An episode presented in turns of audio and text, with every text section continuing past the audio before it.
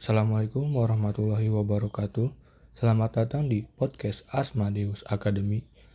Saya Bambang Fauji Nur Ilham dari Universitas Pendidikan Indonesia Angkatan 2019. Kali ini saya akan membahas materi mengenai memahami konsep kelas, metode, dan objek pada Java. Ah, mari kita mulai. Yang pertama yaitu kelas dan objek. Apa itu kelas? Kelas adalah tipe yang berisi atribut atau variabel dan fungsi. Fungsi di sini yaitu sering kali disebut sebagai metode. Lalu ada objek. Objek adalah instansiasi dari sebuah kelas. Nah, mari kita contohkan kelas terlebih dahulu. Kita contohkan kelasnya itu sebuah mobil. Kita ibaratkan mobilnya itu mobil Tesla berwarna merah. Nah, seperti yang dijelaskan tadi, bahwasanya kelas itu terdiri dari atribut dan fungsi. Atributnya yaitu e, atribut yang terdapat dalam mobil tadi seperti namanya yaitu apa, terus warnanya, terus jumlah ban mobil atau jumlah penumpang. Lalu ada fungsi atau metode. Dari, dari contoh ini kita dapat mencontohkan e, fungsi ini sebagai aksi ya. Aksi dari sebuah mobil tadi yaitu seperti Eh, klakson, tambah kecepatan, dan kurangi kecepatan.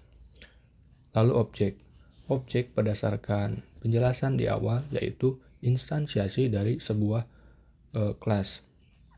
Nah, objek ini juga terdapat atribut dan aksi. Cuma bedanya dalam ob dalam objek ini uh, nama tadi diisi dengan isian yaitu contohnya namanya Tesla, warnanya diisi dengan merah, jumlah penumpangnya 4 jumlah rodanya ada 4 juga terus aksinya yaitu gas rem belok kanan dan belok kiri. Lalu ada metode. Apa itu metode? Metode berperan menjelaskan bagaimana suatu atribut beraksi. Peran yang dimaksud berupa tingkah laku atau behavior yang dapat digambarkan oleh suatu metode. Ciri-cirinya yaitu mengandung kata kerja baik harus mengambil data dari atribut ataupun tidak mengandung data dari atribut.